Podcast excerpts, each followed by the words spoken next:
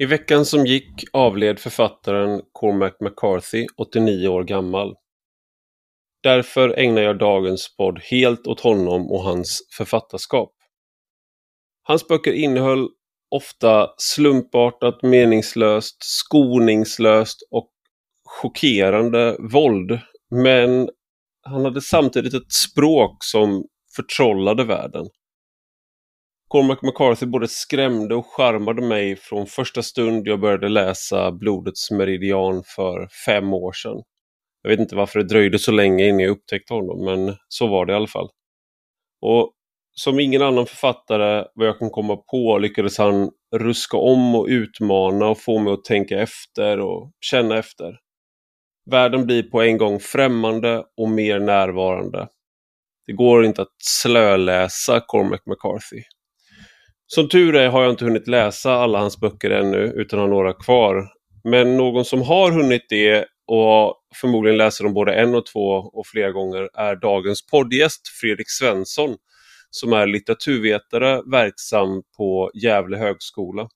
Han disputerade med en avhandling 2020 med titeln Ideology and Symbolism in the Novels of Cormac McCarthy.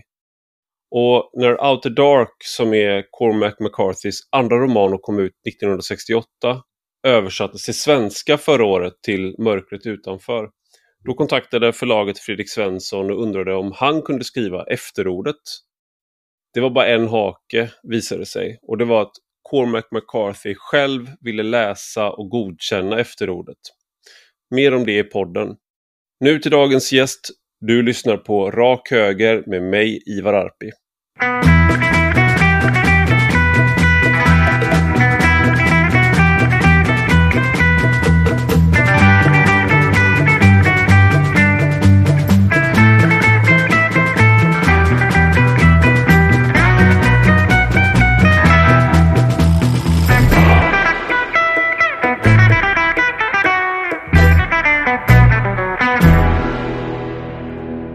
Välkommen Fredrik Svensson till Rak Höger.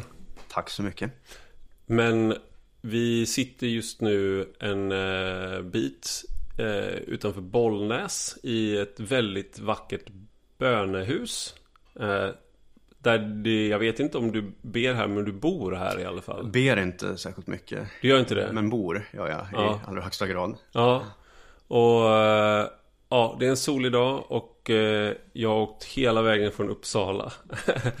eh, men häromdagen så dog, eh, som jag sa i inledningen, dog Cormac McCarthy. Eh, och eh, det är för mig personligen en eh, ja, en av de här författarna som fick mig att se på språk på ett annat sätt, se på skönlitteratur på ett annat sätt. För jag jobbar ju med att skriva och eh, man blir utled på text, känner jag personligen. Det är som mm. en bruks, eh, bruksmaterial. Det är som att man är en snickare och sen så plötsligt så ser man vad någon, en, liksom en konstnär har gjort med samma material. Eh, så man var som att han återförtrollade på något sätt språket eh, för mig. Och då var det Eh, Blood Meridian, Blodets Meridian som jag läste. Och eh, det var ingen behaglig läsning ska jag säga. Utan det var ju tvärtom var det en väldigt skakande läsning som satte igång mycket tankeprocesser. Eh, och jag brukar rekommendera Cormac McCarthy. Men jag tänkte då när jag har, har en faktisk Cormac Jag är ju konnässör får man säga då Eller kanske, kanske det kanske är för fint Jag är bara jag är en, en enkel bokläsare Men fanboy. du är ju en fanboy, exakt Men du är ju en expert eh, Så jag bara tänkte börja med en sån där eh, sportfråga för litteratur så här. Varför ska man läsa Cormac McCarthy? Nej men jag tror att om man är intresserad eh, av att förtrollas av språk, om man, om man uppskattar ett, ett intressant formspråk, så, så ska man läsa McCarthy, tycker jag. Mm. Ehm, det finns ju en otroligt rik metaforik, en särskild syntax och sådär som, som är, håller jag med om, ehm, förtrollande. Sen tycker jag att det kan vara lite problematiskt också, och det är väl en anledning, en av anledningarna till att jag skrev en avhandling om det. Men det är väldigt ofta väldigt njutbart av de anledningarna språket ser ut som det gör. Ja. Vi ska komma in på det problematiska med mm. liksom, estetiken i att just han mm. förför en, eh, en sån som mig då liksom att tycka att det är fantastiskt. Eh, men vem är Cormac McCarthy? Liksom var, var kommer han ifrån? Eller och, och liksom hur, vad är hans bakgrund? Mm. Och på vilket sätt påverkar det hans bokproduktion skulle du säga? Ja, precis. Han föddes ju 1933 på, på östkusten av Providence, Rhode Island. Sen växte han upp i, i Knoxville och det finns ju väldigt mycket att säga om den perioden, de här formativa åren där. Hans pappa var advokat på TVA, Tennessee Valley um, Authority. Uh, som uh, via omvägar var inblandad i Manhattan-projektet kan man ju säga. Att mm. de, um, de jobbar med elektricitet, dammar, uh, stängde av stora områden. Um, blötlade stora områden så att de fick evakuera folk därifrån. Och han var ansvarig väldigt ofta för de här evakueringarna. Mm. Um, och sen gick eh, elektriciteten, en del av den, till Oak Ridge eh, där man jobbar med atombomben också. Så att, eh, det är ju en stor, och atombomben återkommer ju i McCarthys eh, litterära produktion också. Mm. Eh, liksom pappafiguren gör. Just det. Eh, så det där är ju intressant. Han växte upp där i Knoxville-området. Och sen har han liksom följt den här amerikanska riktningen. Han har, han har liksom rört sig västerut, sen ner till El Paso på mexikanska gränsen bodde där i, i många år och sen eh, avslutade han, eh, avslutade sitt liv, gjorde han inte med vilje så vitt vi, vi vet, men han levde sina sista år i Santa Fe, eh, New Mexico. Mm. Och där hade han kontor på ett eh, institut som heter Santa Fe Research Institute, eller SFI, eh, Santa Fe Institute. Så där umgicks han med eh, fysiker och matematiker eh, och gick på deras föreläsningar och seminarier och sådär. Och det är också någonting som märks i, i böckerna. Just det, för han... Eh, jag kommer att tänka på den här eh, eh, dikten eh, uh, Old age should rave and burn at the, mm. at the close of day Rage, rage against the dying of the light Just det ja. Jag citerar väl bara av olika delar, hänger inte ihop där Men det, den dikten av Dylan Thomas mm. Just att han skrev Två stora liksom, böcker som precis kom ut Annars är det liksom klassiskt eh, får man säga att man har, lämnar oavslutade romaner ja. Efter sig. Men han avslutade de två och liksom ja. vid en, dog vid 90 års ålder och lyckades göra det. Och, eh, men just den här, det här intresset för vetenskap, det låter ju alltså bara spontant väldigt osexigt eh, mm. som författare. Mm. Men på vilket sätt alltså, eh, kan man förstå då Eh, det här att han är engagerad på ett sånt sätt. Fysiker för mig är motsatsen till poeter. Alltså eh, det är elakt. Min storebror är teoretisk fysiker så det är Förlåt Joel. Men eh, det, det, känns som att det, det borde vara antitesen till mm. att vara skönlitterär författare. Ja. ja, kopplingen är väl intresset för människans plats i, i världen. Sådär. Och han tyckte väl att matematikerna och fysikerna hade mer att säga om det. Eh, som han inte redan hade tänkt på. Då. Mm. Eh, kanske. För det där har ju funnits med från början. Första romanen hette ju The Orchard Keeper. Den tror jag inte finns på svenska än. Va? Den kom ut 1965. Mm. Eh, och redan där så finns det ett sånt intresse. Jag har ju skrivit i min avhandling om det här spänningen i McCarthys texter mellan symbolism å ena, ena Eh, sidan och allegori i den andra. Och kortfattat kan man säga att symbolismen är transhistorisk. Den försöker hela tiden röra sig bortom kontext, bortom mm. där vi är här och nu och in i evigheten. Eh, mm. Och skriva ihop människan med kosmos egentligen. Mm. Medan allegorin hela tiden pekar tillbaka på, här befinner oss nu i den, i den här, det här eh, historiska, politiska ögonblicket. Mm. Och det är här vi kan göra skillnad.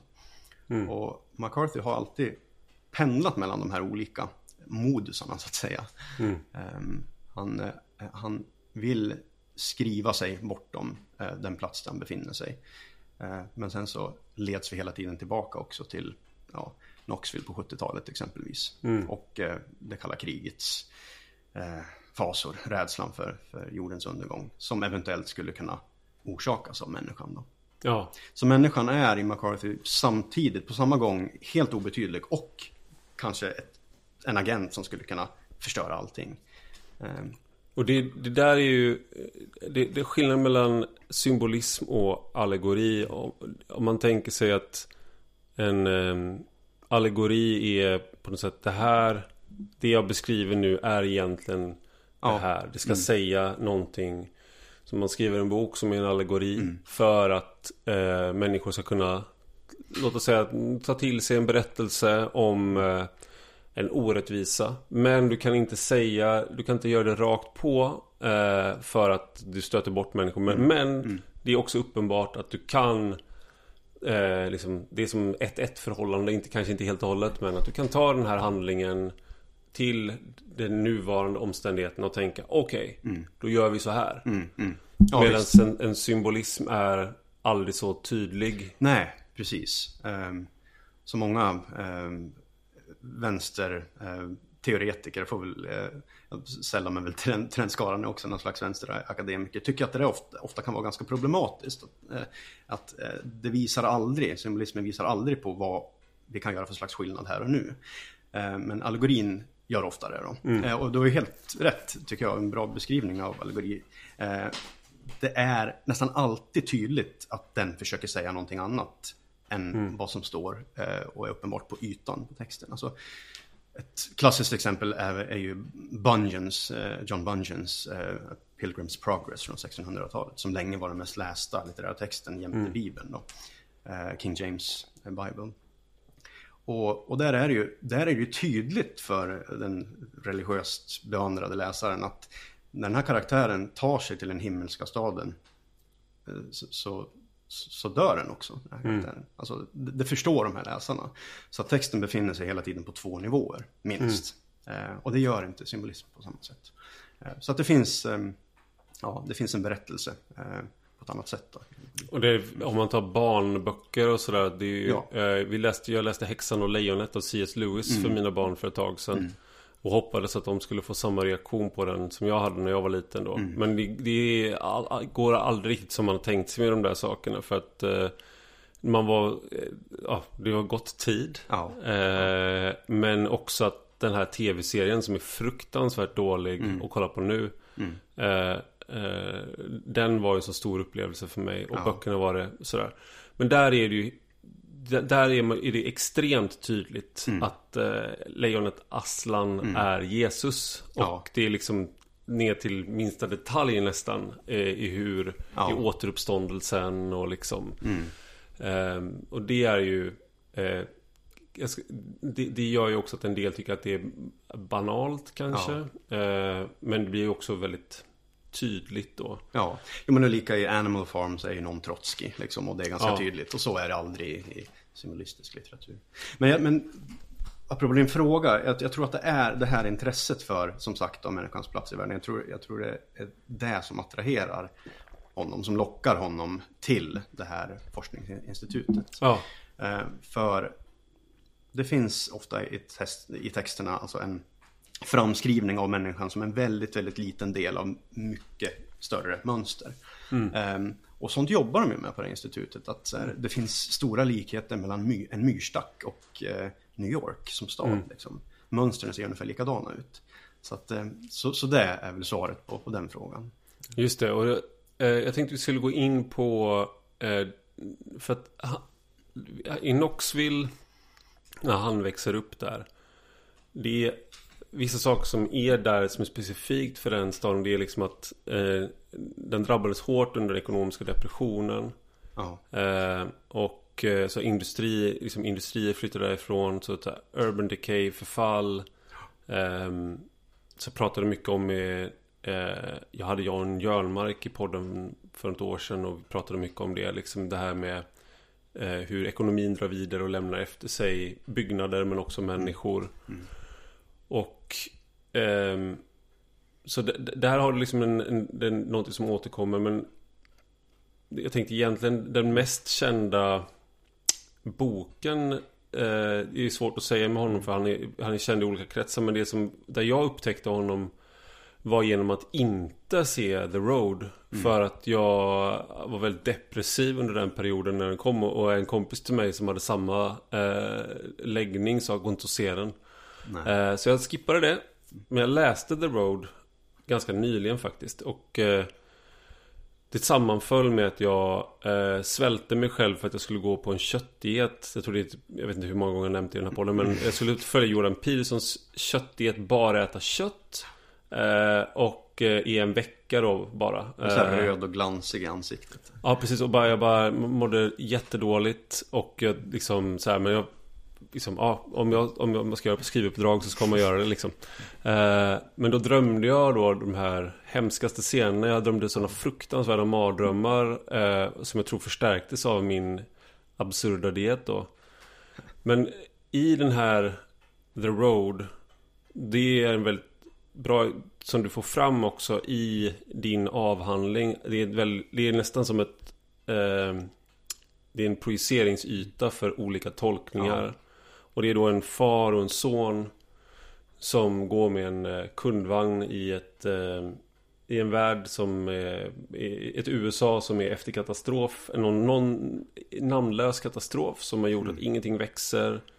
Det finns ingen på nyttfödelse vad det verkar. Liksom allting dör. Och mm.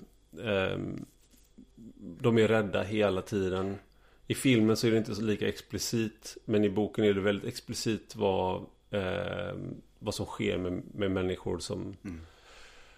Och här kan man kanske se då den här hans pappas arbete också. Den här mm. som atombomben. Om det nu är det. Eller om det är någonting ja. annat. Ja. Men hur, hur kommer det sig att The Road eh, liksom, vad, hur ska man läsa den? Eller vilka tolkningar har gjorts? Och eh, hur placerar den sig i hans... Eh, för det är hans näst senaste. Det skulle ha kunnat... Om ja. man hade haft den dåliga smaken att dö eh, lite tidigare så hade det blivit hans sista bok då. Ja. Ja. Um, Ja, precis. Rent litterärt eh, är ju det en bättre roman än de här två senaste som kom också. Så det hade kanske varit snyggt att avsluta med den. Mm. Men å andra sidan, de här två senaste är ganska opretentiösa också. Eh, mm. det känns som att, och det känns som att han accepterar att det här är inte någon formtopp. Men att han vill göra det ändå. Och, eh, att, att det är lite, lite fint att det inte finns så stora litterära pretensioner där utan det, mm. eh, det, det, är ganska intressant ändå. Men The Road, ja, um, vi pratade om det lite tidigare det här vad, vad Gud gör i, i de här romanerna. Um, och du nämnde ju Blodets meridian också från 85 mm. som väl de flesta anser är mästerverket. Mm. Där kan man ju prata om litterära pretensioner också. Alltså det, tydligt när man sitter i, i, hans gamla arkiv också där hur, hur mycket han skrev om, skrev om, skrev om, skrev om mm. innan, det här var, var klart. Så den är ju väldigt, väldigt tät. Men där är ju Guds frånvaro ett slags katastrof. Um, det är lite roligt, jag har använt mig en del av den här ungerska marxisten Georgi eh, Lukács. Mm. Och han eh, skrev väldigt mycket om Kafka. Och där är Gud också frånvarande. Men, skriver den här Lukács att, att, att Gud inte finns längre, det är någonting negativt. Eh, och han mm. kallar det för en modernistisk ateism. Mm. Att Gud är borta, det borde innebära befrielse. Vi kan göra precis vad vi vill. Just det. Men i Blood Meridian och Kafka då, eh, menar Lukács. Lukács skrev inte om Blood Meridian såklart, för han, han var död då, tror jag. Eh, där borgar Guds frånfälle för katastrof. Vi klarar oss inte själva. Mm. Eh, och det är inte särskilt progressivt tycker den här ungerske marxisten såklart. Nej, just det. Eh, nej, det borde innebära att nu är vi agenter, vi kan göra precis vad vi vill. Men det klarar vi inte av i Blood Meridian. Mm. Um, men och, i... Blood, och, Blood Meridian bara om man ska sammanfatta det är, det är en det bygger på historiska händelser ja. men det är inte en uh, historiskt uh, korrekt uh, roman. Men det är The Glanton Gang som får i uppdrag att eh, bekämpa apache-indianer som mm. då eh, var ett stort problem för eh, mexikanska regeringen eh, mm. och för nybyggare i Texas. Mm. Eh, och då eh, de gör precis som liksom indianer eller urinvånare i USA har gjort. Man tar mm. skalper men det, här, det, det nya är att man liksom Man börjar samla skalper och få betalt för skalper Även då de som bekämpar indianer och ja. eh, Det är Man har ju försökt att filmatisera den här i olika omgångar Och eh, det är väldigt lätt att se varför alla hittills har misslyckats mm. För ja. att det är så brutalt Och Det är också, det finns eh, Inga begränsningar eh, i vad, man, vad de här personerna kan tänkas göra. Och det är som en slags eh, Apocalypse Now i, mm. eh, fast du får se allting som Kurtz då skulle ha Ja. gjort. Liksom att du får se Ja. det i detalj. Ja, precis. och det är en skräckinjagande vision av då vad händer när Gud inte finns. Ja, ja visst. Jag- Jag satt och kollade på de här, de här texterna också som ligger till grund för alltså vittnesskildringar från det här eh, mexikansk-amerikanska kriget. Och de är ju om möjligt ännu mer grafiska. Eh, så det är ju ett sätt också att visa på hur, hur, hur jäkligt det faktiskt var. Sådär. Ehm, Det är inte John Wayne som rider till räddning. nej, Utan när John Wayne kommer blir du av med skalpen. Ja, ja precis. Det är därför man kallar det för en sån här revisionist western. Då. Eh, har den ju kategoriserats som. Men, men Gud i, eh, i eh, The Road är ju... ehm, jag tror att... eh, du nämnde det här citatet när vi pratade innan vi började spela in här. Att eh, Gud finns i ditt andetag. Sådär, alltså med en annan formulering då. Eh, finns i oss och alltid funnits. Och den, den, Gud överförs via människors andetag liksom, historiskt från en tid till Just en annan. Ehm, klart han är ju, han är ju katolik från början, McCarthy. Han, han, han eh, har ju den bakgrunden. Växte upp i en sån miljö. Men någonting som också är tydligt i romanerna, inte bara i The Road utan även de andra, är att eh, han är lite ex- existentialist på det här sättet att det kan vara helt meningslöst allting. Eh, så det bästa vi kan göra är att ta hand om varandra. Eh, det är ju i den här gränstrilogin också från 90-talet så, så överlever ju de här som reser in i Mexiko tack vare främlingars gästfrihet. Man tar hand om varandra. Och där har du ju då All the Pretty Horses är den eh, första dem. Och det var den han slog igenom kommersiellt 92. Mm. Ja, innan 91 tror jag inte någon av hans romaner hade sålt mer än 5000 eh, ex. Så, det. så att det var ju genombrottet, absolut. Ja, och då eh, får man följa John Grady som är, eh, de är tonåringar han och hans eh, kompis och de rider ner i Mexiko för att de vill Apropå det här med liksom, eh, kreativ förstörelse inom citationstecken då att det de kan och det de är bra på, det de har liksom sett framför sig det är att arbeta med hästar. Det är det de eh, liksom, fan, Men det finns ingen plats för dem i Texas längre uppfattar de det som. I alla fall inte på och eh, ranchen som han har haft tillgång till. Det ska säljas. Och, Så de ger sig av till Mexiko istället. Eh, och det är ju Den är ju inte alls lika våldsam eh, som Blood Meridian. Eh, men det, det är som du säger den här Det som är explicit i The Road Där säger de, upprepar de det här med eh, We carry, uh, carry the fire Ja, precis. Ja. och eh, Det är ju att de människorna John, Som John Grader då, de är ju, Han är ju helt beroende av andra människors Välvilja för att k- överleva Det är inte bara den här då Kompetenta eh, eh, Starke Ensamma vite mannen Som eh, besegrar alla utmaningar Utan tvärtom behöver eh, maktförhållandena ändras i olika liksom, episoder i den här boken där också. Ja, ja precis. Och, och det är intressant tycker jag för att den här rugged individualist som man, som man brukar kalla den för som, som ehm, alltså romanen ofta står bakom. Alltså den värderas ganska högt. Alltså den här vite mannen med mycket praktisk kunskap kan göra nästan vad som helst. Finns ju med i de flesta av hans romaner.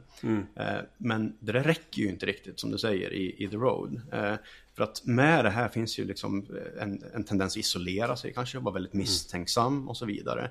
Så att det är ju den här pojken som inte har det här i sig riktigt än. Han är ju så liten också. Det är ju det som gör att han överlever i slutändan. Att han är öppen. Att han tror på, på människan.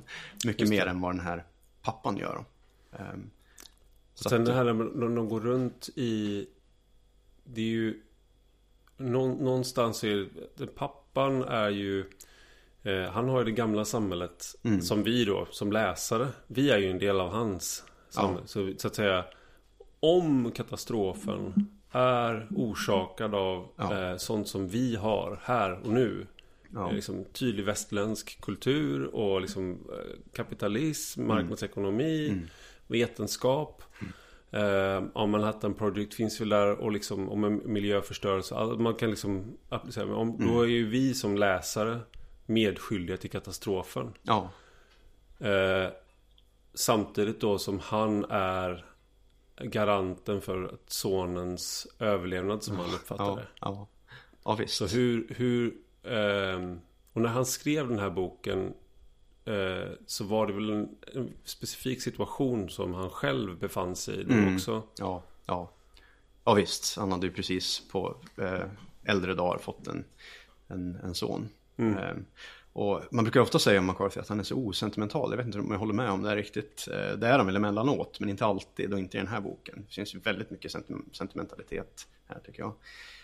Eh, men det är ju också, nu lämnar jag över ansvaret här till dig eller till nästa generation eh, för saker som vi eventuellt har ställt till med. Och, och det How säger... dare you, hade Ja. sonen kunnat säga. ja, det hade han kunnat Ja. säga. Ja, precis. Nej. Ja. Ehm, ja, men det är samtidigt är det som du säger att romanen är aldrig tydlig heller med att ja, men det är en atombomb. Eller det är människans klimatpåverkan som är eh, orsaken till den här kataklysmen eller eh, ehm, ehm, ehm, den här apokalyptiska situationen. Eh, så tydlig är han ju aldrig. Nej. Och det är han ju aldrig i sina romaner.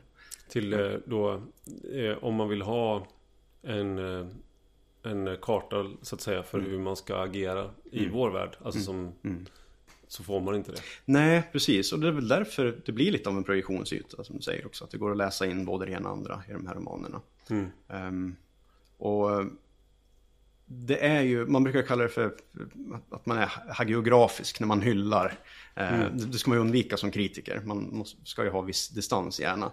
Men i, i USA är det väldigt vanligt att kritiker eh, vill göra McCarthy till kanske lite mer progressiv än vad han egentligen är. Ehm, att han är någon slags eh, klimataktivist innerst inne och så vidare och kanske eh, liberal i amerikansk bemärkelse. Ehm, och det... Man har lite pedagogisk uppförsbacke där, tycker jag. Men, men många vill ju att han, ska vara, att han ska vara den författaren. Och det har också lite grann att göra med att man vill ha honom i, i kanon. Det här är en författare man uppskattar. Och då vill man att han ska vara godartad även politiskt, så att säga. Just det. Och på vilket sätt tycker du då att det inte går att läsa in det? Ja, det går att läsa in det också, men, men han är verkligen inte bara det. Eh, Men ett ganska komiskt exempel var en, en eh, kritiker som skrev att McCarthy kan absolut inte vara konservativ för han, han känner flera knarklangare, han har skilt sig två gånger. Eh, Under långa perioder hade han ingen kontakt med sin son. Så att, ja, så, så, stark är den här impulsen att, göra honom till eh, Det var en väldigt lustig argumentation för Ja. varför man inte skulle ja, kunna ja, vara precis. det. Eh, Ja, nej men eh, exakt, men, men, men det är väl just det här känslan av eh, att eh, någonting har gått förlorat. Eh, Att en, en skepsis mot moderniteten som tränger in i Appalacherna här i de första romanerna. Eh, eh, så, så, Just det, och det, en, någonting som du är inne på i eh, avhandlingen går igenom en, en, en läsning också. Det är den här Är människan eh, för, för om man tänker en eh,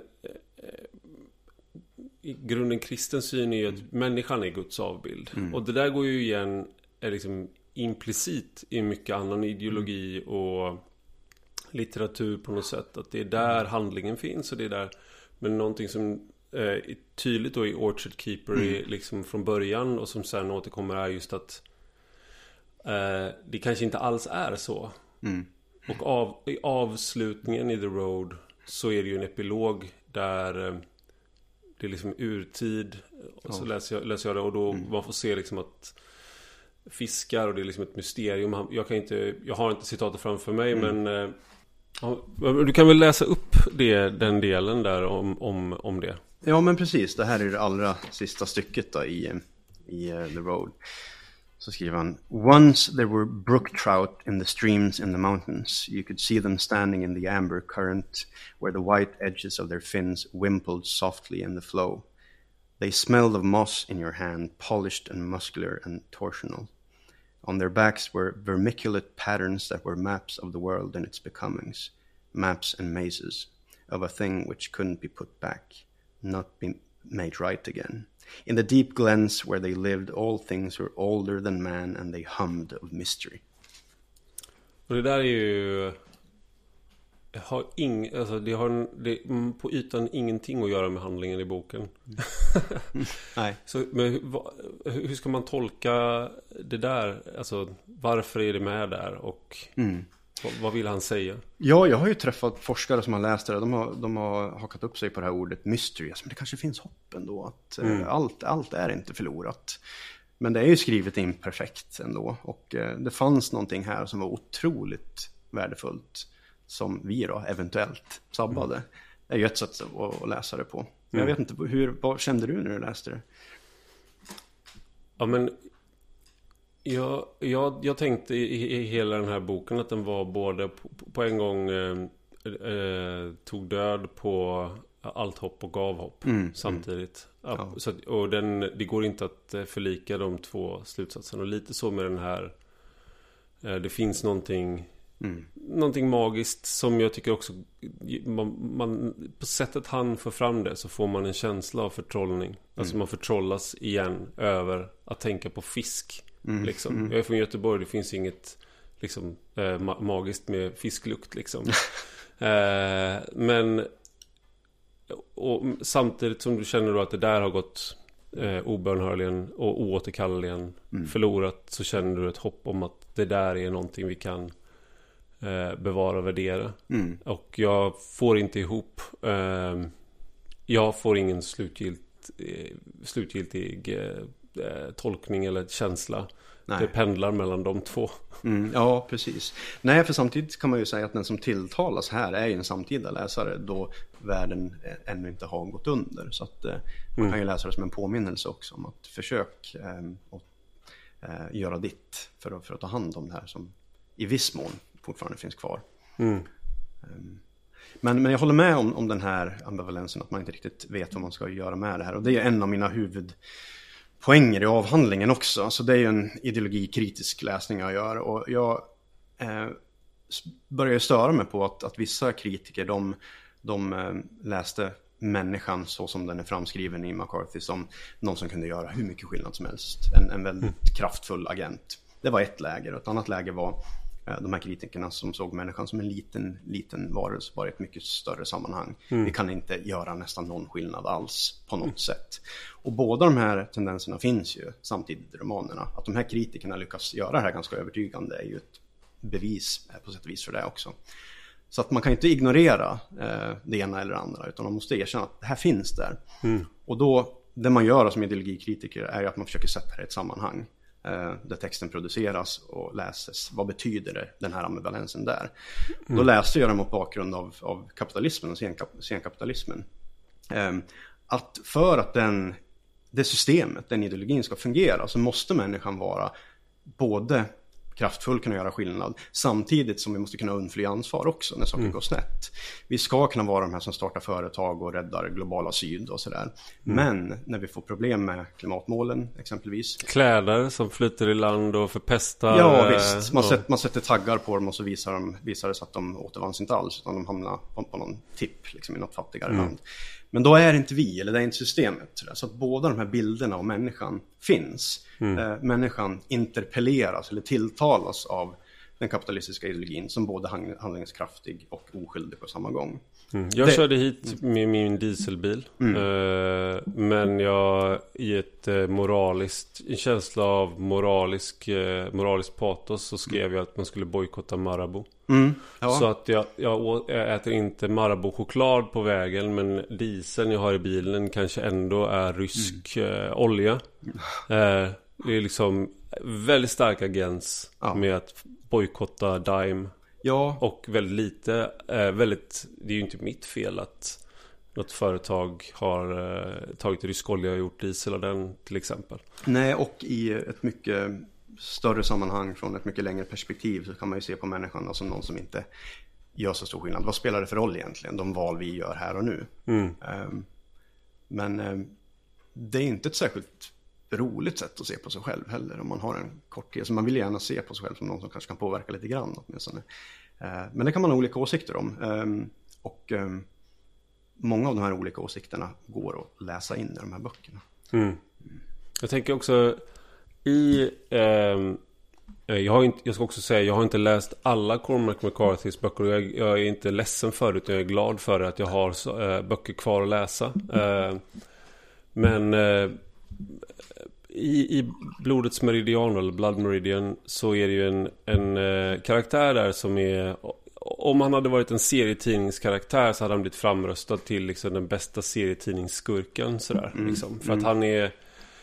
Det, han heter Judge Holden i, på engelska, eller domaren tror jag han kallas på eh, svenska översättning. Jag kommer inte ihåg. Men han mm. är ju liksom på något sätt... Han är, han är rent fysiskt så kommer man ihåg honom. För att han, det var så en liten detalj. Så han är väldigt stor, han är lång mm. och eh, enorm. Eh, nästan helt hårlös, blek, men och, och har väldigt små fötter. Mm. Och det är så här, det är så David Lynch-detalj. Att du gör liksom någonting fysiskt liksom mm. som gör att han blir kuslig. Fast ja. det, är, det är klart, jag känner en kille som är jättelång. Ja. Eh, som har små fötter. Ja. Det är inte så kusligt i verkligheten. Men det blir väldigt kusligt här. Och han ritar ju av så här artefakter, fossiler, mm. människor han stöter på i ett anteckningsblock. Och han är också väldigt konstnärlig. Han behärskar verkligen liksom den här världen. Han är en renässansmänniska. Mm.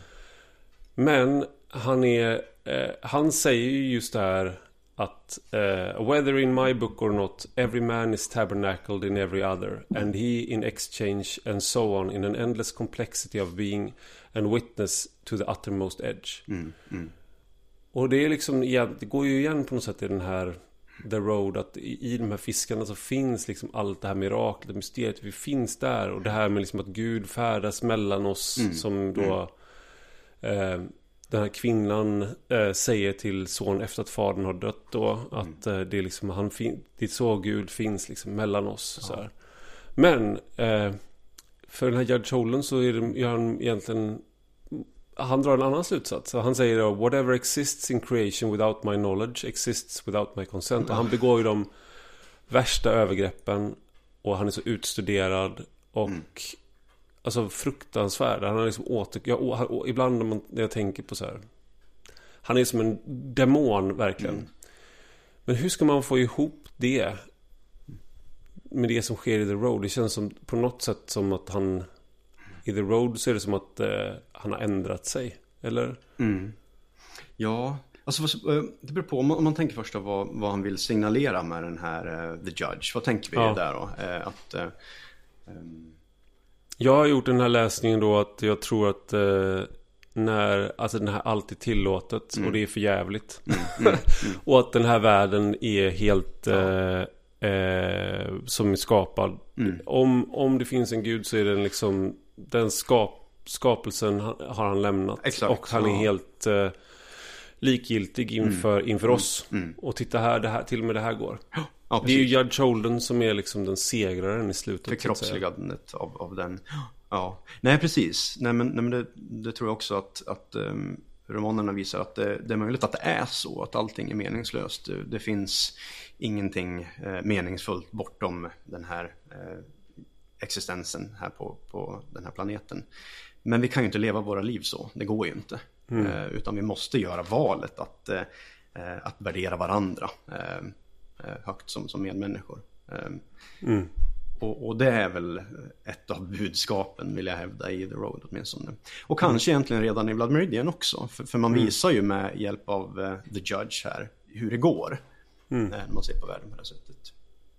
Um, sen visar ju The Judge här också på, på vad man kan göra med, eh, med språket. Hur, hur kraftfullt det kan vara. För han, han är ju också eh, repliker, hans repliker och hur han pratar. Han är ju fantastisk retoriker. Mm, mm. Första mm. gången man träffar honom så kommer han till ett tält. Ja. Där en predikant. Och så eh, bara inleder han anklagelseakt om vad den här predikanten har gjort. Mm. Och begått liksom, brott som förmodligen han själv har gjort. Ja, ja, eh, och det leder till upplopp och eh, död och, och, han har ju bara hittat på allt. Mm, mm. Ja, visst. Jag känner mig då som har jobbat som ledarskribent. Jag har inte den kraften med språket. Men man känner sig absolut träffad när du eh, Alltså du skriver för att påverka. Ja. Vad är det man håller på med egentligen? Ja, ja, ja precis. Ja, och lärdomen där är väl lite grann att eh, eh McCarthy verkar ju anse att språket egentligen är ganska dåligt på att uh, säga någonting om verkligheten. Mm. Um, språk i McCarthy är privativt, alltså det, det, tar bort någonting från det som man försöker skildra. Vi, vi kanske förstår mindre um, av världen, vår upplevelse av världen kanske till och med blir fattigare tack vare språket. Är, är en sån här idé som förekommer i romanerna. Um, men det är samtidigt så att språket kan skapa nya världar som kanske är lite um, frikopplade från uh, den objektiva verkligheten. Mm. Och, och, det kan vara ganska kraftfullt. Uh, det kan vilseleda, kan säkert göra bra saker också. Mm. Men den här domaren visar ju på det första, då, att man kan ställa till med mycket skada. Det är ju många karaktärerna, vi pratade om det med den här tyst, eh, liksom en eh, karg manlig, manlighet där man sköter sig själv och klarar sig själv. Den här rugged individualism mm. och allt det där. Och eh, eh, det är ofta i eh, beskrivning av naturen eller i eh, liksom, när karaktärerna rör, rör sig över områden. Där så får du ju just den här eh, hans poetiska, lyriska sida. Ja. Men det är väldigt sällan du eh, kommer in i huvudet på en karaktär och får mm. ta del av utan och där, där, är det liksom att språket tar, tar stopp på ja. något sätt ibland. Ja. Och då blir det mer av den här korthuggna eh, Vad man har kallat kanske Hemingwayska ja, liksom, är det där något genomtänkt hos honom tror du att han, eh, eller det är klart att det är, men på vilket sätt, varför gör han så? Ja, nej, men det kanske eh, återspeglar den här idén att eh, vad vi ser här i, i romanerna det är vad jag som skrivande subjekt har tillgång till. Mm. Jag kan inte se från någon annans eh, huvud genom någon annans ögon. Mm. Eh, det finns ju den här, eh, det här berömda stycket från Blodets meridian också. som det här optical democracy kommer ifrån. Alltså att, att allting är likvärdigt i, i, i miljön, alltså i, ja, i, i världen. Alltså stenar, gräs, människor och så vidare. Vi befinner oss mm. på samma ontologiska plan. Um, och då finns det ju det här the human eye. Um, mm. Man skriver ju eye då, stavar som öga. Men det är mm. även jaget. Det här ser jag. Det här är det enda jag har tillgång till inom religiösa traditioner, kanske särskilt i buddhism är ju väldigt, där är det väldigt mm. tydligt. Så handlar det ju väldigt mycket om att upplösa jag, inse att självet är mm. En illusion. Det är en mm. simulering som du liksom mm. berättar för dig själv. Mm. Det är en berättelse. Och så kan man ta så här hjärnexperiment när någon har blivit av med en del av hjärnan eller fått en specifik skada som har vet, på vet, tråkigt för individen men mm. bra för vetenskapen. Mm. Att man då kan se hur självet förändras och självbild och sådär. Mm. mm. Eh, och eh, även inom mer mystiska traditioner i eh, Islam och särskilt den sufiska eh, traditionen och i kristendomen där du, mm. försöker du liksom att komma närmare eh, bli ett, bli ett med naturen som SVT hade ett program som hette. Men mm. att bli ett med Gud, bli ett med alltså så här, förstå att du, gränsen som du sätter upp för dig själv mellan dig själv och världen, den är illusorisk. Det visar mm. ju på något sätt då en, det avslöjar kanske en syn på mm. världen hos mm. Honom. Men då är inte risken då att man hamnar i Judge Holden då att, som är då Jo. Kan allt om naturvetenskap eller mm, liksom, mm. och han förstår allt. Mm, mm. eh, men eh, han värdesätter inget. Nej. För att det finns va, va, Människan är inte en, någonting som står över något Nej. annat. Nej, vi är inte skapelsens krona. Vi är bara som mm. eh, Ja, vi är bara som all, all annan eh, skit här på, på jorden liksom. Ja, ja visst vi är betingade av, eh, av större kosmiska mönster och slumpen. Ja. Men, men han, han accepterar ju den tanken. Mm. Eh, men man kan ju tänka också att romanen visar på, på, på vad som sker när man gör det. Mm. Eh, så vår reaktion som läsare mm. av det ja. är, även om det inte står på vår näsa mm. då i boken, men vår mm. reaktion säger någon, är en, det är någonting som han vill också komma åt mm. kanske. Ja, jo men precis. Så det är lika den här No Country for Old Men också som blev en film där av bröderna Coen med den här mycket obehagliga Chigger där som, mm. eh, som har med sig en, eh, ett mynt hela tiden. Mm. Han singlar slant om man ska eh, ta någon av dagar eller inte. Och säga nej men det är inte jag som, det är inte jag som avgör, det är, det är myntet. Just det. Um, det är ju nästan att driva lite grann med det här att man kallar för actor network theory, att man delegerar agens till Eh, till materiella objekt, icke-mänskliga mm. objekt. Nej, men inte jag. Det var inte jag som tog det här beslutet. Mm. Um, du, du, där är, finns det en, du, du tar upp en, en, en kul eh, fel ord kanske, men en intressant vänsterläsning där Mm, också. mm. Att, för det finns ju sådana aspekter, vi har inte tagit upp det med The Road, Mm. men de släpar ju runt på en kundvagn. Ja, ja, visst. Och eh, jag, ska säga, jag ska säga att det är liksom att gå till Ica Maxi efter att man har läst The Road Mm. Var en väldigt konstig upplevelse. Första kundvagnen man höll i efter The Road kände man att fan, vad är det som, det är någonting som är likt någonting jag läst här. Jag kan inte, kan, kan inte sätta fingret på det. Och, och, och samma sak då i det här med det här myntet. Å ena sidan kan du då bara tolka det bara som slumpen. Å andra sidan kan du se det som det här är ekonomiska krafter. Som är utom min kontroll. Mm. Mm. Jag vräker dig. Mm. Men eh, det är ju inte för att eh, jag vill det. Utan det är ju för att vi ska bygga en, en damm här då. Och det hade hänt ändå. Det hade hänt ändå. Jag är här för att vräka er. För att vi bygger en damm och det Ja. kommer liksom. Det är, det är utom min... Det här är, det är andra krafter liksom. Mm. Mm. Jag, jag tänker, är det liksom en... I det här, den här då scen... Du var inne på det med scenkapitalism. Mm, Är det, finns det en sån här kapitalismkritik som inom McCarthy eh, på, på fler sätt än... Nu tog jag bara upp två exempel. Du har ju fler exempel i din avhandling. Ja. Ja, alltså det är klart att det går att läsa in lite sånt, men eh, eh, så särskilt tydlig är den ju inte. Eh, och, och jag ser ju på McCarthy som en ganska konservativ författare ändå. Men han, eh, alltså, Trots att han har skilt sig. ja trots att han, och han känner ju knarklangare också. här. Eh, men, men då hamnar, ju, hamnar man i det här med intention igen, då, som man ofta gör när man pratar om eh, litteratur. Att, att texterna gör ju saker som man inte har kontroll över också. Eh, så man kan ju med hjälp av texterna kritisera, eh, problematisera kapitalismen. Det kan man göra. Eh, utan, och för den sakens skull, eh, påstå att, att McCarthy är en progressiv eh, författare rent politiskt. Och det behöver han ju inte vara. Det är också viktigt att säga. Alltså den här franska marxisten Louis Althusser, han älskar ju Balzac för att han eh, tyckte att med hjälp av Balzac kan man få se någonting reaktionärt inifrån. Eh, Lukács, där, den här ungerska marxisten som jag nämnde tidigare, han gillar ju Sir Walter Scott. Eh, För att eh, han tyckte att han visade på hur människor eh, driver historien framåt. Så att det är ju bra att läsa saker man inte håller med om rent politiskt också. Eh, man behöver inte göra dem till sina på det sättet, tänker jag. Just det, jag, jag tror jag sagt till eh, en författare en gång, eh, alltså mest när jag, jag tror jag hade druckit alkohol, men att han hade missförstått sin egen bok. Och det var ju bara delvis ett skämt för att man har ju inte det är svårt att se att man har ensamrätt på en tolkning av en text man har producerat. Eh, Och författarens, eller det är min, jag förstår, jag är ju, jag är inte litteraturvetare så jag förstår att det här är en diskussion men det är så jag ser, ser på det med, med liksom, ja, ja men om jag vill läsa in det här så om, det, om det är den läsningen är möjlig då är det intressant att göra den. För då är det ju, det, då tar du ju med dig det som läsare in i texten på något sätt och gör den till, till Sen finns det rimligare och orimligare läsningar. Jo, givetvis. Eh, Så, eh, så är det ju. Och sen kan man ju, man kan ju säga att det finns en strukturell intention som en författare kan ha. Alltså det är klart att intentionen spelar roll. Men den avgör ju inte i slutändan alltid vad en text betyder. Utan det finns ju produktionssidan å ena sidan, där författaren gör, och sen konsumeras ju det här också. Eh, För att använda shopping och Just det. Ja.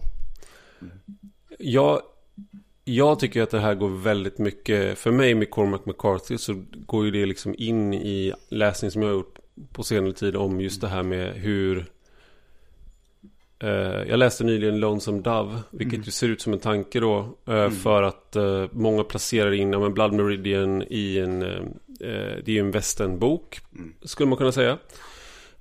På många sätt är det det. Sen beror det på vad man menar med det. Det är ju ingen, det är ingen Lone Ranger-bok liksom. Och eh, All the Pretty Horses, Border Trilogy, då, The Crossing, ehm, City on a, Cities on a Plane. ehm, det är ju, utspelas ju inte i den klassiska västern-eran men i de miljöerna. Ja. Ehm, och flera andra liksom böcker i de, de delstaterna där han själv bodde. Men i Lonesome Dove då, den är väldigt annorlunda på många sätt. Ehm, ehm, men där är ju är just den här tanken som är viktig i den boken är att du, du kan ha ett syfte. Du, Men du kan också bli förbisprungen av, av historien. Ja. Och i den boken kämpar huvudkaraktären. De har ju liksom passerat sitt bäst före-datum. Ja. Eh, det är um, Augustus McRae och Captain Woodrow Call är huvudpersonerna, även om det finns många fler. Och de är liksom, de har varit de har varit som, de är som eh, före detta tungviktsvärldsmästare i, i boxning liksom. Ja. Men ingen kommer ihåg dem. Eh, och de gör ett sista, liksom, de beger sig från en håla, Lonesome Dove. Mm. Ska ta med massa liksom, boskap till Montana. Eh, och eh, likheten med McCarthy är att de är liksom, de är på något sätt inte med i tiden. De är, de, men de vill komma till Montana. Där deras tid kanske fortfarande finns. Alltså, Ja, för att det är där lawyers och bankers har inte, det, har inte tagit över allt. Nej. Som de har i Texas då vid det här laget. Eh, och det är då därför de vill. Och då får de ett syfte igen. Ja. Och det är då de växer på något sätt som karaktärer. Och många av karaktärerna i, i McCarthys böcker, i alla fall i The Border Trilogy, är ju liksom... Man känner att tiden är inte på deras sida på något Nej. sätt. Och det är såklart i The Road också, men... Ja. Nej visst, det är ju, många av romanerna är ju elegier kan man ju säga för en, en tid som eh, är på väg att försvinna. Kanske redan har försvunnit i, i många av de här texterna. Absolut. det här är den konservativa läsningen kanske kommer in då. När man är en, eh, en eh, nostalgiker som tycker att det var bättre förr och att på den tiden då Ja. män var män och förstod sig på hästar och liksom... Ja. eh, ja. Jo, precis. Och eh, redan i den här första romanen som heter The Orchard Keeper då, från 65. Så då finns det en karaktär som heter Uncle Ather. Eh, man kan läsa det om man uttalar det på rätt sätt som, som man pratar där så blir det nästan Father. Eh, En pappafigur, han också. Där. Och den andra är just på The Other. Eh, eh, så att det finns mycket att säga om det. Men han bor ju i en stuga inne i skogen. Eh, och vill vara i fred. Eh, och det här är verkligen ett bra exempel på en karaktär som romanen står bakom. Eh, men myndigheterna vill ju ha med honom att göra. De vill att han ska sitta på ett hem, de vill att han kanske ska betala skatt och så vidare. Eh, så att den här, den här stora staten försöker komma åt den här figuren då. Eh, och han, han skjuter ju på dem. med något Don't tread on me. Nej, nej men precis. Så, så att det finns ju någon slags ja, anti-statism säger man på engelska, jag vet inte. Ja, men minarkism är något ord också. Att man, man, man, man värnar om en liten stat kan man föreställa sig. Eh, kan man leva med. Som inte gör så mycket väsen av sig. Men den här stora staten som lägger sig i. Är ju någonting som eh, eh, romanerna, romanerna är ganska skeptiska till. Just det, och det, det här, nu kommer jag i och för sig att tänka på de här i, i, i Sverige har det här för mig, jag, min eh, bakgrund är li- liksom föräldrar och den omgivning jag växte upp i var ju eh, vänster och hippies och kommunister och sådär. Ja. Inte så mycket kommunister men eh, kanske någon. omedelbara. Ja men de var nog kommunister men det var liksom inte, jag tror inte att de hade, jag tror ändå att de hade blivit skjutna när revolutionen kom. Men då var det ju de här kollektiven som blev aktuella nu med händelser vid vatten. Ja. Där var det ju egentligen ett ex, exakt ett sånt exempel. Där de, de hade ju rätt att bosätta sig. Det fanns en gammal lag från eh, tidigt 1900-tal som gjorde att gav människor rätt att ta över hemman. Om eh, de stod lediga liksom. För Ja. att staten då ville att man ville ha nybyggare. Ja. Men sen då när det kom Sen de tog över på något ställe så skulle skogsbolag då Ja. eh, ha rätt till den marken. Eh, då ville de ju såklart att de här eh, jävla hippies från Stockholm, de ska, ska flytta på sig liksom. Ja. Och då åkte ju polisen dit, vräkte dem och förgiftade, brände ner och förgiftade brunnen. Mm. Ja. Ja. Och där kan man ju- jag tror att då eh, Cormac McCarthy, i alla fall när han skrev Orchard Keeper, han Mm. kanske inte hade tyckt att det där var klockrent sätt Nej. då. Nej, precis. Eller man kan, läsa, man kan göra den läsningen. Ja visst, ja men absolut, verkligen. Och hans pappa igen då var ju ansvarig för att vräka människor. Ja. eh, För att han jobbar för TVA där då i, i Tennessee. Och det här är ganska komplext för att det TVA gjorde med sina dammar och så vidare. Eh, det var ju en del av den nya dealen. Eh, Keynesiansk politik eh, gav ju massa arbete, genererade massa arbeten också. Men eh, det, det bidrog även till atombomben. Så att det är ju... Just det. Eh, ja. Så att eh, det var många saker på samma gång det där. Det känns som att man bär Det är också det att vissa eh, karaktärer Många karaktärer Det är ju inte så att det är så tydligt att någon är jättegod heller i många gånger utan de har flera eh, sidor och det här är ju då att, ja, men du är en del av framsteg, kan hjälpa människor. Mm. Men du är också så här den som kommer leda till att många människor dör. Ja, ja visst. Och det finns väldigt få karaktärerna känns det som tar sig helskinnade genom de här. Ja visst, och är jag en agent eller ett instrument bara? Det är ofta väldigt, väldigt oklart. Mm. En sak som jag tänkte då med det här. Eh, nu har vi varit inne på det lite, men det är ju det här då med språk och estetik. Mm. Att Någonting då när, när man, när jag, jag hade en lång period inte läst, eller några år när jag inte mm. läste skönlitteratur för jag kände att jag behövde läsa facklitteratur för mm. jobbet hela tiden. Och sen blev jag, kände jag att tvärtom, att jag behöver sluta läsa facklitteratur så mycket och läsa mer skönlitteratur. Och då var Cormac McCarthy en av de första jag började med, tack och lov. Uh, men du känner dig nöjd med dig själv, i alla fall gör jag det när jag läser skönlitteratur. Som att jag gör något fint och bra. Mm. Uh, uh, och jag är duktig. Mm. Och jag vet också att om jag berättar för människor vad jag har läst mm. det senaste året så kommer de tycka gud vad duktig du är. Mm. mm. Och jag är liksom, jag höjer på något sätt. Till skillnad från om man säger att man har kollat på jättemycket tv-serier. Ja. Då är inte folk imponerade av den. Nej. Och det finns också någonting med McCarthy, han Det är ganska fin litteratur. Uh, och dessutom så är det väldigt vackert språk. Mm. Och det är så här, men är det verkligen Är det riskfritt liksom att läsa? Alltså så här, är det någonting uppenbart uppbyggligt och gott? Mm. Att läsa de här vackra orden av den här författaren som kan formulera sig och bli så berörd av just honom. Ja. Ska, ska jag vara så säker på att jag ska vara så stolt över mig själv som läsare? Men jag, tycker, jag tycker du kan vara stolt över dig själv. Eh, men, men nej, jag tror inte heller på, jag är inte heller så bra kompis med, med den här idén om eh, den goda estetiken som någonting självklart gott. Att den alltid gör bra saker med oss. Utan det beror på vad vi gör med den. Eh, mm. Eh, jag använder det här begreppet eh, affordanser i min avhandling. Att mm. Eh, litteratur exempelvis kan användas till många olika saker på samma gång. Mm. Och vi tenderar att göra olika saker med litteratur beroende på var och när vi läser den. Sen att, att det är njutbart är en sak och vi lär oss flera ord. Det gör man ju verkligen när man läser honom. Ja det gör man verkligen. Man, Viss, ja. Det är bra att ha med sig en ordbok. Eh, ja. Ja, ja, men vissa ord som vermiculate till exempel vet jag inte hur man hur mycket användning man, man har för det. Men... Kan du inte den lätte? Nej. Nej, precis. Ja.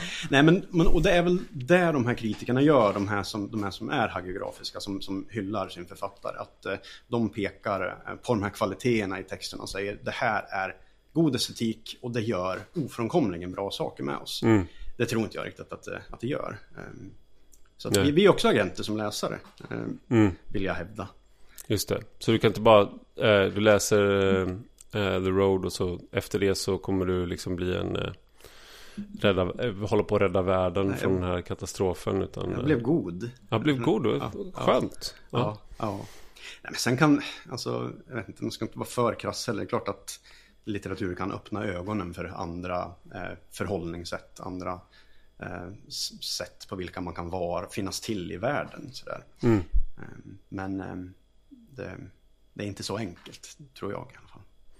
Och då just Cormac McCarthy är ju Jag har sett folk som har uh, skojat om uh, Att han är liksom uh, Det är bara att det är så här killlitteratur mm. Så man, mm. man, Han är manlig Och jag känner mig då Jag är ju där, jag, där vi är just nu Jag är bara några minuter bort från att jag ska hämta ett oljefat för att bygga Min egen grill och jag, nu idag då när vi sitter här och spelar in så har jag gått med i Halvmåneklubben Fick jag reda på att det hette Och det är att jag håller på övningsskjuter för att ta jägarexamen ja. eh, Och då kan man ibland, om man är klantig Hamna för nära med ögonbrynet mm. med kikarsiktet Så jag slog upp ett djupt jack ja. Och sådär Och eh, ja, har andra kanske berättat, min, min, det här podden heter Rak Höger, mm. vilket är en anspelning på både på kanske politiskt mm. men också på våld. Mm. Man kan läsa in själv om man vill där. Mm, mm, eh, och då tänker jag, jag är väl väldigt typiskt då. Och jag sitter här och pratar med en manlig litteraturvetare som har skrivit om en manlig författare. Håller på att renovera ett hus här. Och... Ja, ja, precis. Och så är det här en, eh, eh liksom, var, eller varför anses eh, det vara liksom så maskulin litteratur mm, och mm. Är det en fördom bara eller är det Nej men alltså Han attraherar ju säkert fler cis-män än cis-kvinnor sådär. Men inom akademin så är det inte riktigt sant Flera av de stora eh, namnen är, är forskare som identifierar sig som, som kvinnor. Mm. Eh, men det är klart, om man identifierar sig som man eh, och är intresserad av maskulint kodade saker som att bygga grillar och skjuta med eh, ha, hagelgevär och sådär. Eh, då är det väl ganska sannolikt att man eh, lockas av McCarthy, för han skriver ju väldigt mycket om sådana saker. Mm. Ehm, men jag tror inte att vi är så här eh, biologiskt betingade, du och jag, gillar McCarthy. Eh, så. Eh, Det är den där fisken. Det var skrivet i den där fisken att du och jag skulle gilla McCarthy Ja. flera, liksom 500 miljoner år senare. ja, vad vet jag Ja, egentligen. Men, eh, Precis. eh, men visst, det är ju... Jag kan inte förneka heller att det är många som... ehm, många män som gillar sin, sin Cormac, så är det ju. Men det kan också vara då att man, om man tar de här film, filmatiseringarna som No Country for Old Men först och Mm. sen The Road. Den här, för kanske mer No Country for Old Men då. Mm. Där det är väldigt en ond, bråd död. Mm. Eh, coola repliker. Mm. Eh, är det någonting som är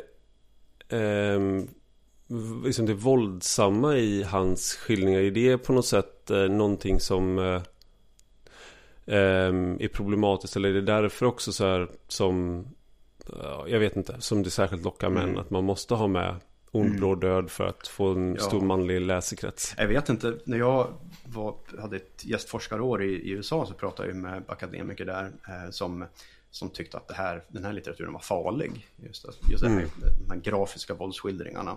Eh, tyckte de var en glorifiering av våld och att det är farligt. Jag vet människor som läser det här och tar intryck av det. Så att det öppnar dörrar. Eh, jag ska ju ta jägarexamen. Ja, du ser. Och du Ja. har ju läst så, så mycket McCarthy också. Så att, eh, men eh, så att du kanske hade börjat brodera eller gjort någonting annat fredligt. Ja, jag var på väg där. Ja, Ja, och sen läste du. jag Blood Meridian. Ja, ja. Det är för det, men jag vet inte, det sätter ju fingret på någonting också, de här skämten ändå. Att det är lätt att man hamnar hos Sivert Öholm också, Studio S, liksom, Mm. när han pratar videovåld. Eh, men jag vet inte, det är väl upp till var och en kanske bedöma eh, vilken kraft litteraturen har att påverka oss i olika riktningar. Mm. Sådär. Ehm, Jag, jag är ju väldigt eh, lättpåverkad. Eh, så därför jag kan inte kolla på skräckfilm. Jag är liksom, det, är, det är sv- svårt, jag blir väldigt eh, skrämd. mm.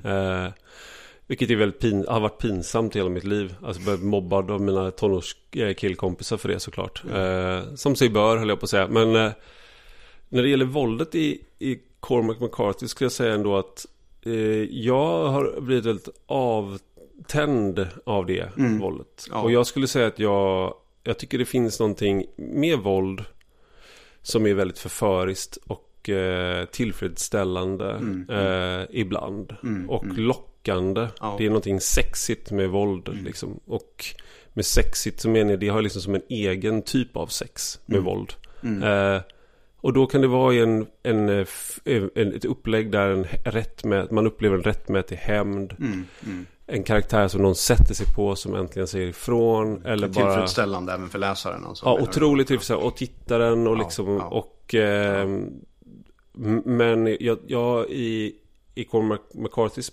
böcker skulle jag ändå säga så är det, om man jämför då, nu tog jag upp Lonesome Dove så kan jag ta det en gång till. Ja. Det har otroligt tillfredsställande våldsscener. Mm. Mm. Där karaktärerna liksom tar fram ett enormt våld, ibland övervåld. Mm. Men de gör det ehm, eh, mot rätt personer Ja. i rätt situationer. Ja. Du tvivlar inte som läsare när du ser det här att Nej. vem det är som har i grunden rätt. Sen kanske de går till överdrift. Men du känner bara fan vad, fan vad gött. Det är, liksom, det är sådär. rättfärdigt. Rättfärdigt ja. ja. Och så den där känslan, jag är liksom, jag, den infinner sig inte riktigt i, i uh, Cormac McCarthy. Det är mer den här känslan av, sk- alltså, av skräck. Mm. Mm. Det hamnar på något sätt lite närmare kanske eh, den erfarenheten jag har av verkligt våld. Ja. Att du inte är säker efteråt vad som var Typ så här, borde det ha undvikits Mm. även, alltså så här, borde det ha gått till på ett annat sätt? Ja. Kunde man ha gjort, alltså det är mer du, du hamnat, du, du har kvar tvivel inför Mm. eh, våldet som, som har skett. Absolut, nej men det är någonting man skulle kunna säga till eh, försvar. Eh, Och jag försökte för, nu. Ja, precis. nej, men, nej, för att det är ju inte, det är inte vackert alls. Och det är ju, det är ju så otroligt gränslöst. Det visar Mm. på att våldet som kraft är någonting som inte bara används rättfärdigt utan det går ofta inte att hejda. För att det eskalerar. Mm. Eh, sådär. Eh, de här skalpjägarna som du nämnde i Blodets meridian, där finns ju på båda, båda sidor. Mm. Eh, det, drabb, det drabbar alla, det drabbar spädbarn. Det hänger ju spädbarn från, från träd upp och ner mm. i, i, i, den här romanen.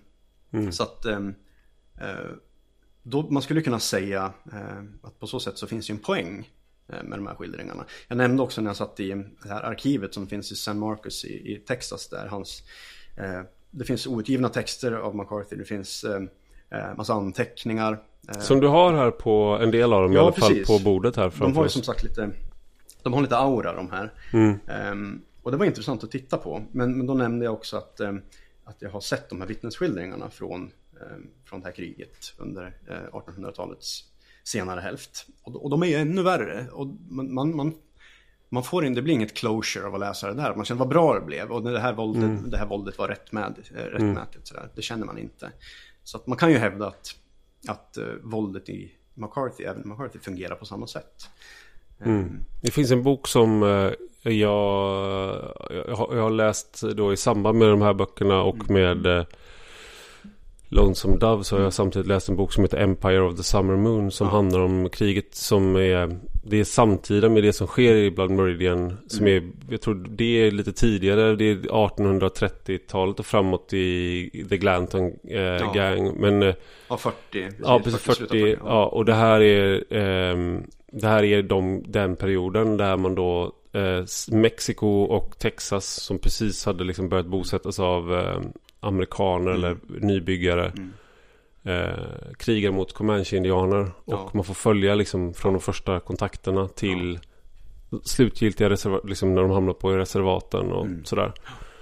Och eh, det är väl, det jag skulle säga att eh, de skildringarna är eh, precis eh, lika hemska mm. som i Blood Meridian. Mm. Förutom att du inte har eh, de här karaktärerna att följa med som helt och hållet. Utan du får ju en distans såklart. Ja, det är ja. det som gör det värre i Blood Meridian. Men mm. verklighetens brutalitet mm.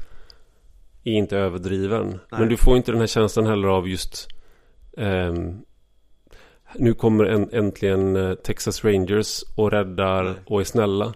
Utan det som gjorde dem framgångsrika. Ja. Det var att de gjorde exakt det som Comanche-indianerna var bra på. Mm. Men de hade bättre vapen. Mm, mm. Det var det som gjorde det och sen tog armén över. Och ja.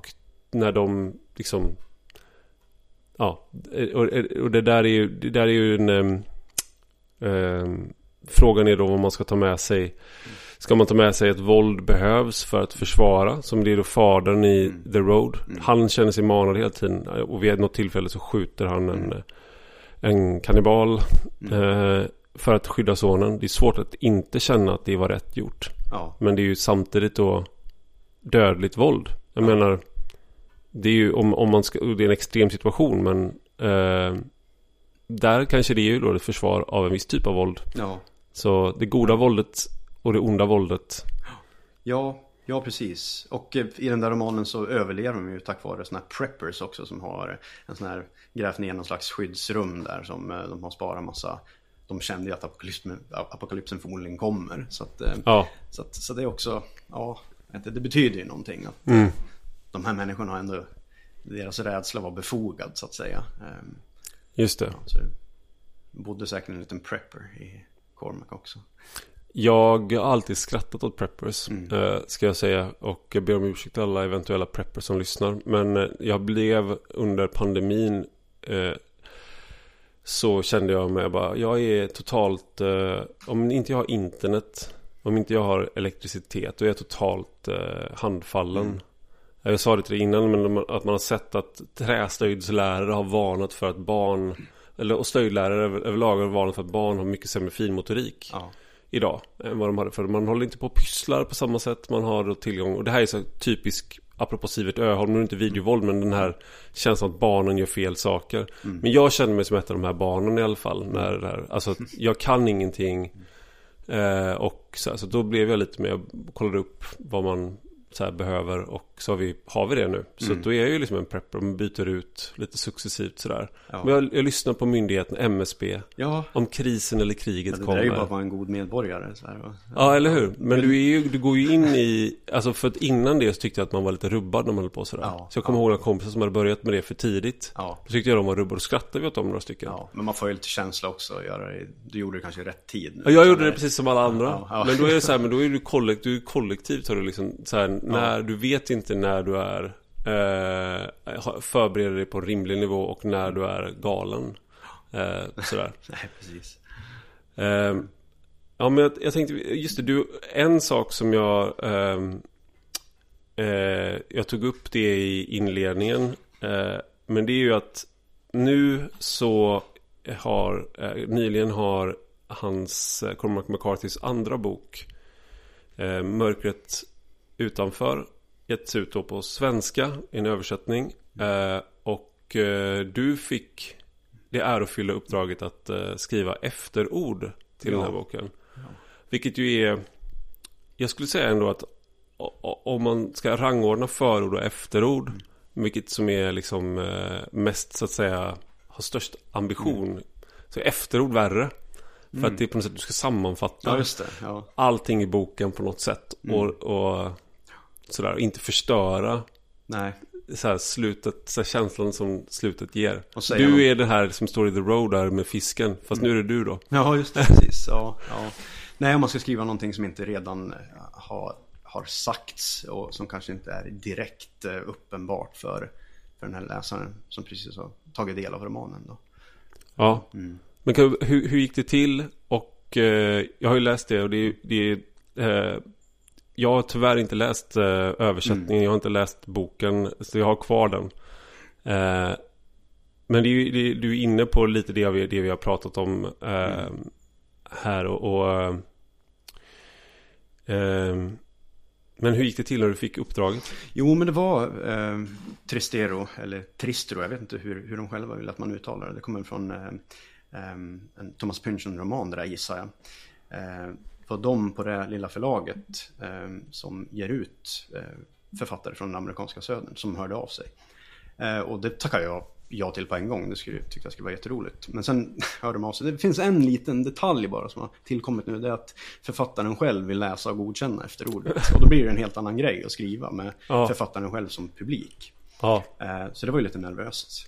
Eh, men- Kände du liksom hur han stod Ja, bakom lite. din axel så här, Ja, tittade, ja. tittade på skärmen så här? Ja, precis. Det här är helt ointressant, irrelevant eh, Ja. och, den där meningsbyggnaden fungerar ju inte alls. Nej, Nej. Men, jag, men jag lyckas ändå. Jag kände lite så såklart. Men jag lyckas ändå släppa det och tänkte att eh, funkar det så funkar det. Mm. Eh, eller så funkar det nästan och han har någon, eh, något förslag på vad jag bör ändra. Han hade ju en, eh, ett förslag på, att, på vad du skulle ändra. Ja, precis. Eh, Han, han ville att jag skulle ta bort recently från den första meningen. And then we're happy to approve. skrev. Ja, Så att det var ju ändå... Det hade ju varit kul egentligen att ha... Få det liksom utskrivet, få ett brev på posten där han liksom hade eh, kommenterat min text och så här rätta fel och tagit bort skiljetecken och sånt där. Det hade ju varit kul. Men ja, för då hade du också kunnat skicka till arkivet för att visa. Ja. Alltså, så här, det kunde ingå i hans... exakt. eh, Ja. ja, ja, ja. Du har helt missförstått det här med vad, liksom, människans plats i vad jag menar med det. ja Och- precis. Ja, men den, ja. den här eh, Woody Allen-grejen, jag vet inte om det är Annie Hall eller vad det är. När eh, den här teoretikern kliver fram i biokön. Du, du har inte fattat ett ord av, av vad, jag, vad jag pratar om. Så det. den hade ju varit lite jobbig att få. När man, avhandlingen var ju redan tryckt då liksom. Så att, Ja. eh, Men det är...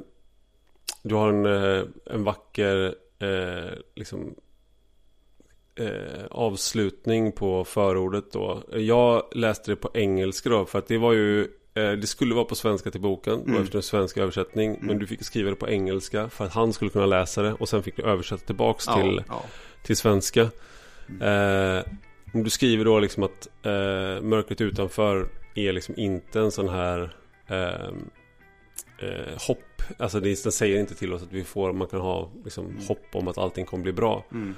Yet it reminds us eloquently, despairingly and lovingly that even though we are all looking for something to know in all that dark, For many of us things could have been a lot worse. Mm.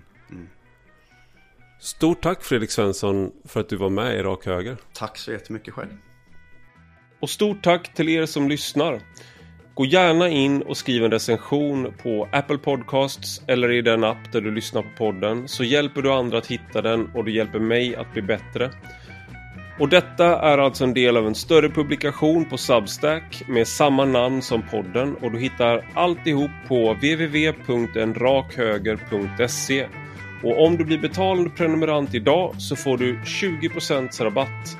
Då ska du gå in på www.enrakhöger.se podd. Och betalande prenumeranter, då får man ta del av hela poddavsnitt, alla texter och exklusivt extra material. Och har ni några frågor eller synpunkter så tveka inte att höra av er på ivararpi Vi hörs om en vecka igen.